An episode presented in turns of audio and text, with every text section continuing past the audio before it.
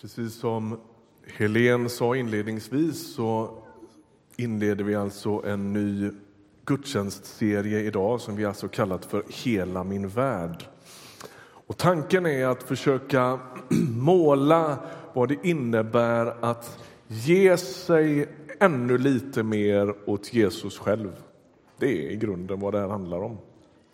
Och vi ska läsa en text idag ifrån Markus kapitel 12. Markus 12.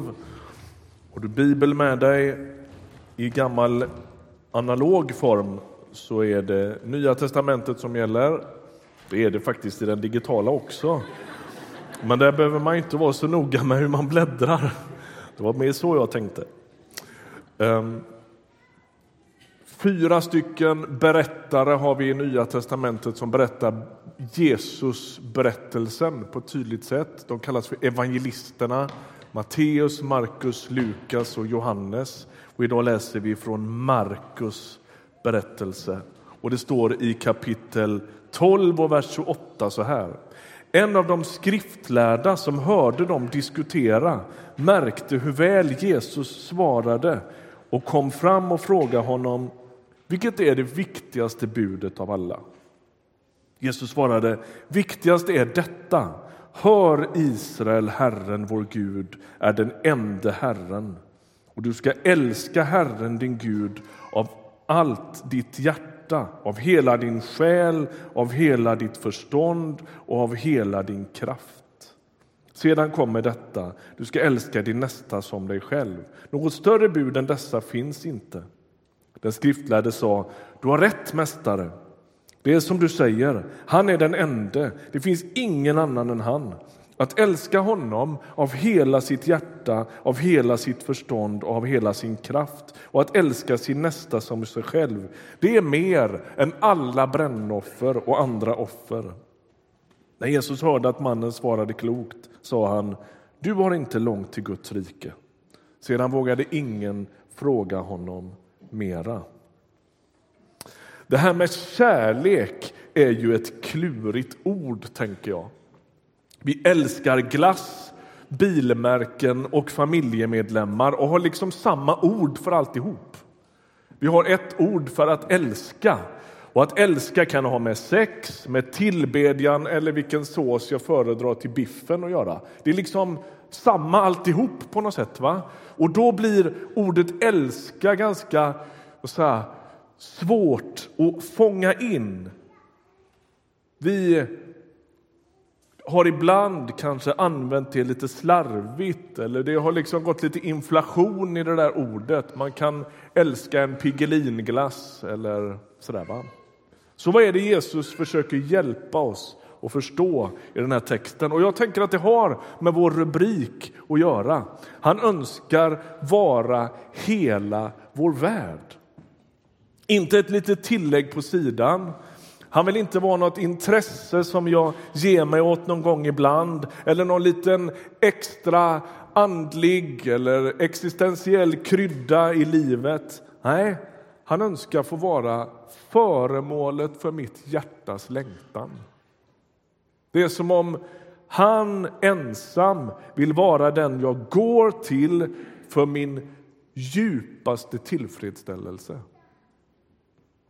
Som att han, ni vet, en del, du som är van gudstjänstbesökare och van bibelläsare kan alla de här bilderna av hur, hur eh, Gud blir liksom källan som släcker min törst. Hur han blir den som djupast kan bota min längtan, min rastlöshet, min ångest, mitt jagande. Alla de där bilderna är på något sätt uttryck för samma sak. Han vill vara den som djupast är föremålet för mitt hjärtas längtan. Det finns en teolog från England som heter N.T. Wright som jag läser med stor behållning. Och han använder bilden när han lägger ut den här texten av ett brinnande hus. Vad skulle du ta med dig från ett brinnande hus? Naturligtvis, om det finns människor där skulle du ta dem först, det får vi utgå från. Men sen? Kanske lådan i förrådet med kärleksbreven eller någon minnessak från din gamla mamma. En del skulle sträcka sig efter fotoalbum Och för dig som inte vet vad ett fotoalbum är så var det på den tiden när man fortfarande liksom bläddrade i fysiska så och kunde titta på bilder och hade dem kvar. Det är väldigt fint på många vis. Nu har man ju dem i molnet, men man skulle kunna sträcka sig efter lite allt möjligt. Men ett ärligt svar på den här frågan skulle kunna berätta för oss vad som ligger oss närmast.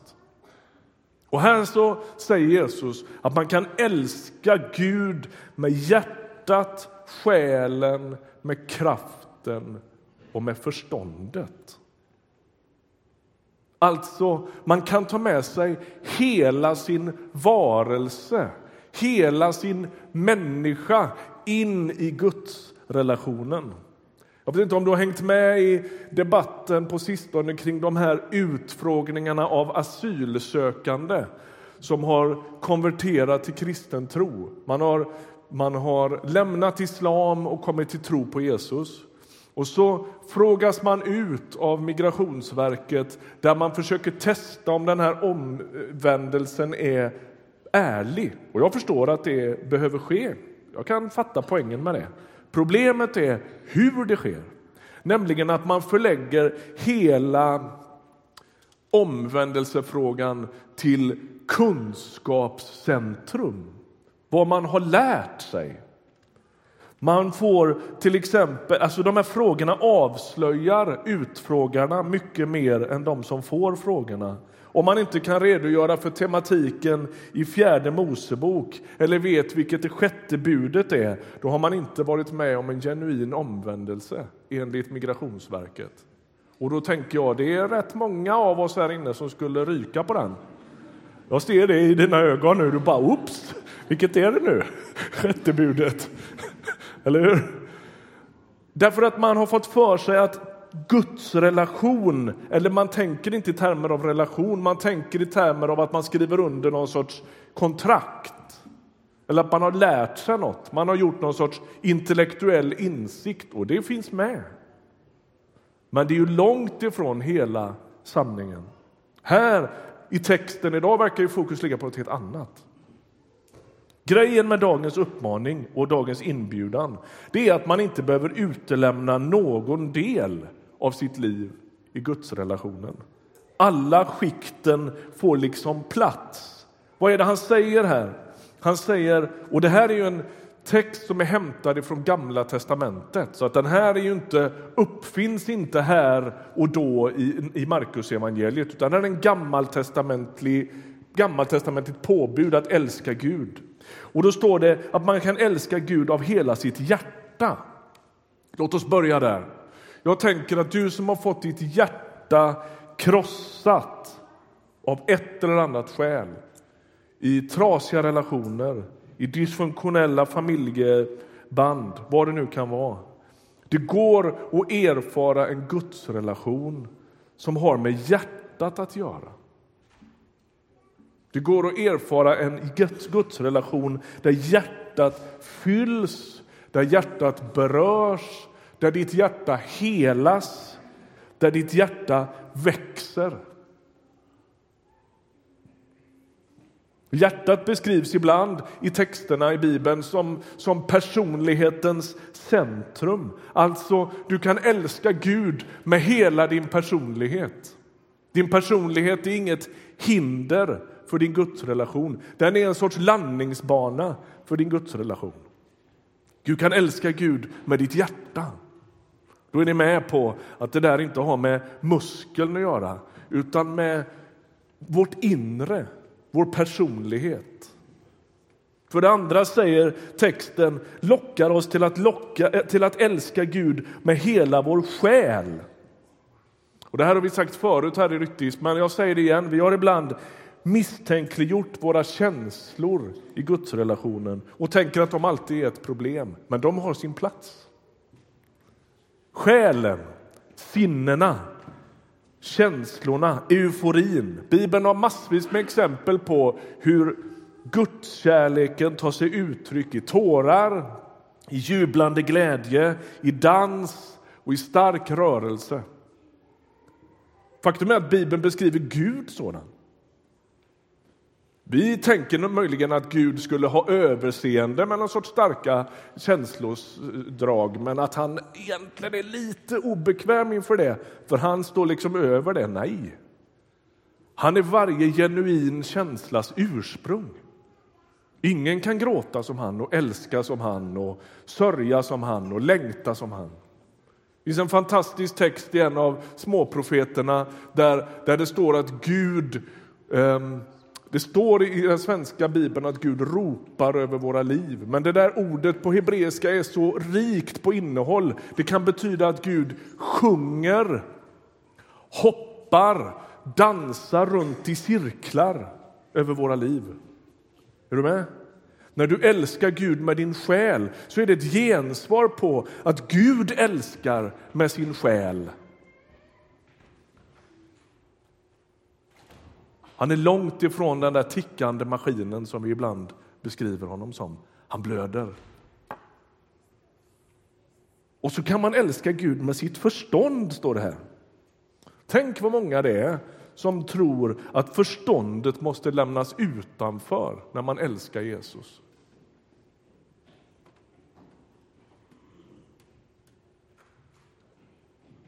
Jag hörde en pastorskollega som berättade för mig sistens att de skulle kalla en ny pastor på ett ställe.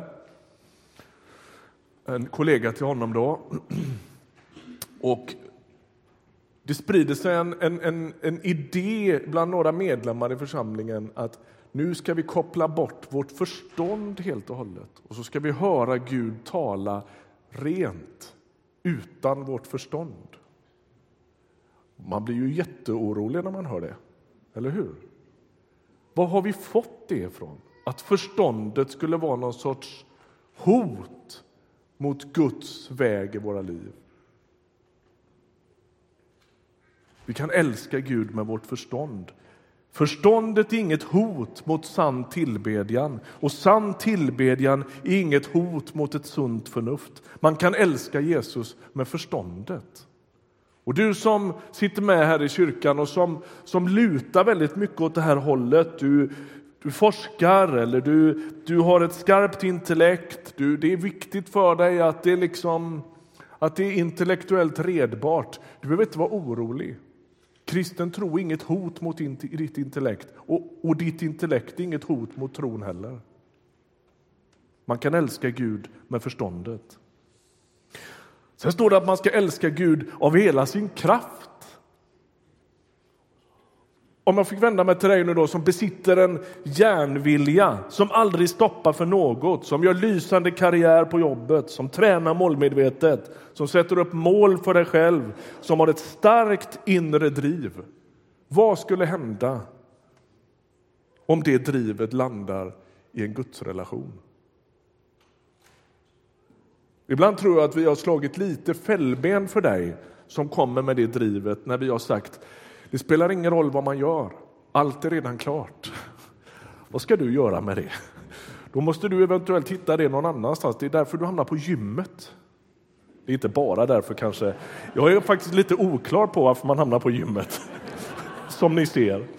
Eh, men, men min poäng är den här. Ditt starka inre driv behöver inte heller lämnas utanför. Du kan älska Jesus med din kraft.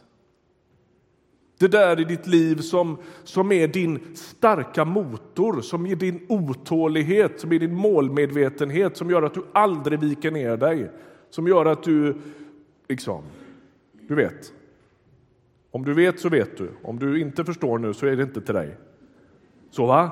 Men det drivet det kan du bära med dig in i gudsrelationen. Och då menar vi inte nödvändigtvis att det betyder att du blir ordförande i någon byggkommitté här. Utan in i relationen. Man kan älska Gud med kraft. Man kan älska Gud målmedvetet. Med driv. Och Jesus säger att det är liksom här som det brinner till i våra liv. Att älska, sig, att älska och att ge sig åt något mindre än Gud. Det är att liksom grabba tag i fel grej på väg ut ur det brinnande huset. Du vet, det är att stå ute på garageplan med en, eh, adventsstjärna i papp från Ikea och tänka kanske ändå borde tagit den där Picasso-målningen jag ärvde av mormor. Vad händer nu? Liksom. Det är att satsa på fel häst, så att säga. Va? Vad är det Jesus säger? Jo, det är bind ditt hjärta, ge dig åt inget mindre än Herren själv. Min gode vän Daniel Röjås, många av er känner honom, han har varit pastor här i församlingen. Han brukar ibland säga, när han, han och jag vi pratas vid nästan dagligen, och så pratar vi om, ibland om en del knäppa företeelser i svensk kristenhet och så läs, har någon av oss läst dagens insändarsida, vilket inte alltid är bra för hälsan. Och så, och så brukar han uttrycka så här, det är så mycket extra utrustning att hålla reda på. Och jag tycker det är så bra sagt.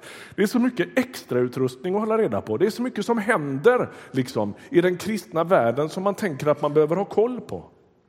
Och det som händer i den här texten, det är motsatsen, nämligen att man skalar bort extrautrustningen. Ja, men vänta nu, om det bara var ett enda bud, vilket är det då? Då har det med kärleken till Jesus göra. Det är där det avgörs. Inte i alla de här perifera identitetsmarkerande frågorna. Liksom. Släpp dem. Du kan leva utan dem. I dagens, extra, I dagens text är extrautrustningen avskalad. Och för de här gammaltestamentliga skriftlärda då kan man verkligen snacka extrautrustning. De var extremt noggranna i detaljer som hade med religiositeten att göra. Och Jesus klandrar dem för att de någonstans på vägen har förlorat det allra mest väsentliga. Kärleken, barmhärtigheten, det varma pulserande hjärtat. Det är något som har blivit sterilt, som har blivit lite för krast, regelorienterat och lagiskt i de här människornas liv. Och kanske är det så för en och annan här inne med. Det är ett och annat som har stelnat. Eller också är det tvärtom. Det kanske har blivit avmätt i ditt liv. Cyniskt. Apatiskt. Ah. Jag har provat det där med att överlämna mig och överlåta mig åt Jesus. Jag tycker att det är... Jag vet inte. Jag skiter i det. Jag gör något annat. Och så är det som att kallelsen tillbaka, den står fast. Ni vet i texten när Jesus uppväcker Lazarus från de döda så besöker han systrarna Marta och Maria. Och då säger Marta till sin syster, Mästaren är här och kallar på dig. Tänk om det är så det är. Vare sig du är helt ny besökare i Ryttargårdskyrkan eller helt marinerad i frikyrkokultur så är Mästaren här och kallar på dig. Kom igen. Ge dig igen. Lämna ditt hjärta i Guds händer igen. Överlåt dig. Värm upp, liksom. Det där i livet som har stelnat. Kallelsen handlar nämligen djupast om att brännas av kärlekens låga och att dras in i det kärlekens kraftfält som är Guds närhet. Han dömer dig inte, han älskar dig till förvandling. Mästaren kallar på varje människa och alla människors uppgift är att inte säga nej. Man skulle kunna koka ner människans ansvar i relation till vad Gud gör i våra liv till just precis det, att inte säga nej. Gud rör sig, han kallar, han pockar på uppmärksamhet, han verkar i våra liv och vårt, gen, vårt ansvar i gensvaret är att inte säga nej.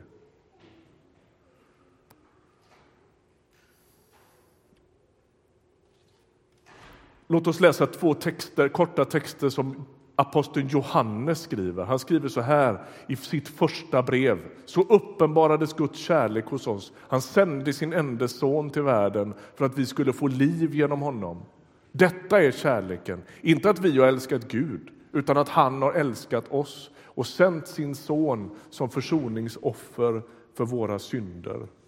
Alltså, det jag tänker inte ska ske idag det är att vi återigen blir självupptagna och funderar över vår egen kärlek och väger den på våg och liksom förlorar oss till oss själva. Utan kärlekens yttersta, eller liksom kärlekens ursprung och kärlekens väsen har med Guds kärlek att göra.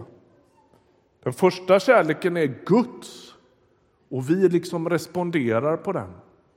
Han säger i kapitel 3, genom att Jesus gav sitt liv för oss har vi lärt känna kärleken. Det är ju slående att det är just Johannes som ständigt ger oss dessa djupa sanningar om kärleken. Kanske det beror på att han var där. Han stod vid korset. Han var med i kärlekshistoriens absoluta epicentrum. Som en ung apostel och blivande predikant. Och där märktes han för livet av vad han var med om. Om hela kärlekshistorien skulle liksom brännas ner till en enda punkt så är den punkten ett kors utanför Jerusalems murar. Och där var han med. Det var ingen annan som var det. De smet. Men Johannes stod där och han såg det. Att älska Gud av hela sitt hjärta, sin själ, sitt förstånd och sin kraft. Det handlar alltså om att Jesus blir hela min värld. Och det där är väldigt radikalt i en kultur som är avmätt, som är väldigt instant, där allting liksom ska hända här och nu och ganska blasé. Det finns ju väldigt lite som får våra hjärtan att riktigt rusa eftersom allt är tillgängligt och allt redan är gjort. Jag träff, pratade med en pappa häromsistens som berättade om sin 11-årige son. Jag frågade vad, vad kommer din 11-åring att önska sig i julklapp? Och sa han, ja. Han googlade häromdagen på vad önskar sig 11-åringar i julklapp. Han kom inte på något. Är inte det lite deppigt ändå? En 11-åring känner att allt redan är gjort, allt är redan upplevt, man har fått allt. Liksom. Man kommer inte på någonting att skriva på sin önskelista. Vår kultur är blasé. Man trodde vi skulle bli tvärtom, att vi skulle få så mycket kickar av att få allt. Men det blev, det blev precis tvärtom. Ju mer vi fick, desto mer blasé blev vi. Och det vi ska sätta fokus på nu då, det är vad är det som är så viktigt i mitt liv så att allt kan omorienteras utifrån det. Vad skulle jag ta med mig ur ett brinnande hus som är så omistligt att jag inte kan tänka mig att leva utan det?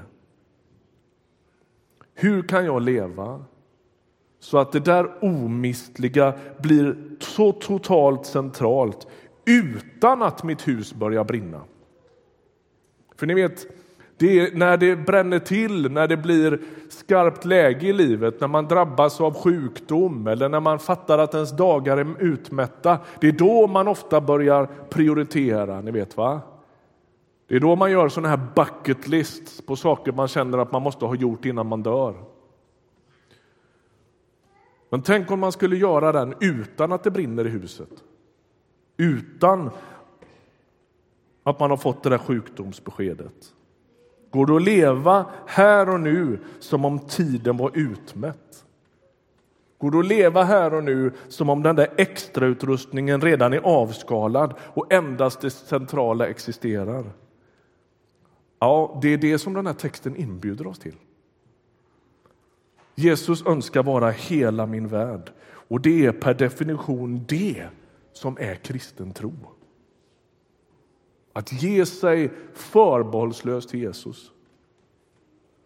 Så det är vad det här kommer att handla om de här söndagarna. Att älska Jesus, att släppa taget om en del andra saker så att han blir ännu mer central i våra liv. Och jag skulle önska, vi ska om en stund gå in i en förbönstund. Jag skulle vilja att du betraktar dagens förbönstund som ett brinnande hus. Vid den bönestunden ställs allt på sin spets. Kanske du då behöver omvända dig från en blasé, lite betraktande eller kanske rent av cynisk syn på tro och hängivenhet.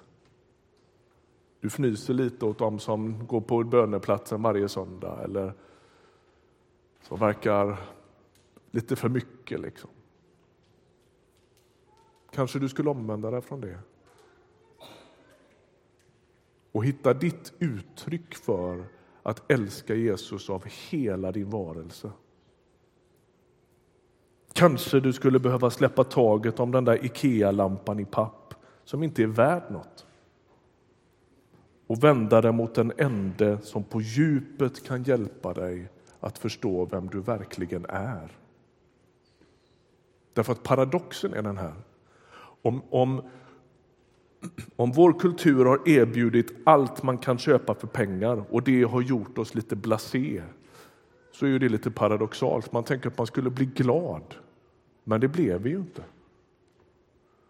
Paradoxen i Guds rike den är att ju mer jag släpper taget ju mer jag ger av mitt eget hjärta, min egen själ, min egen kraft, mitt eget förstånd i överlåtelse till Jesus, desto friare blir jag. Det är den stora paradoxen. Så Claes ska få sjunga en sång och sen ska vi öppna våra böneplatser. Jag önskar att du skulle betrakta de där böneplatserna som det brinnande huset idag.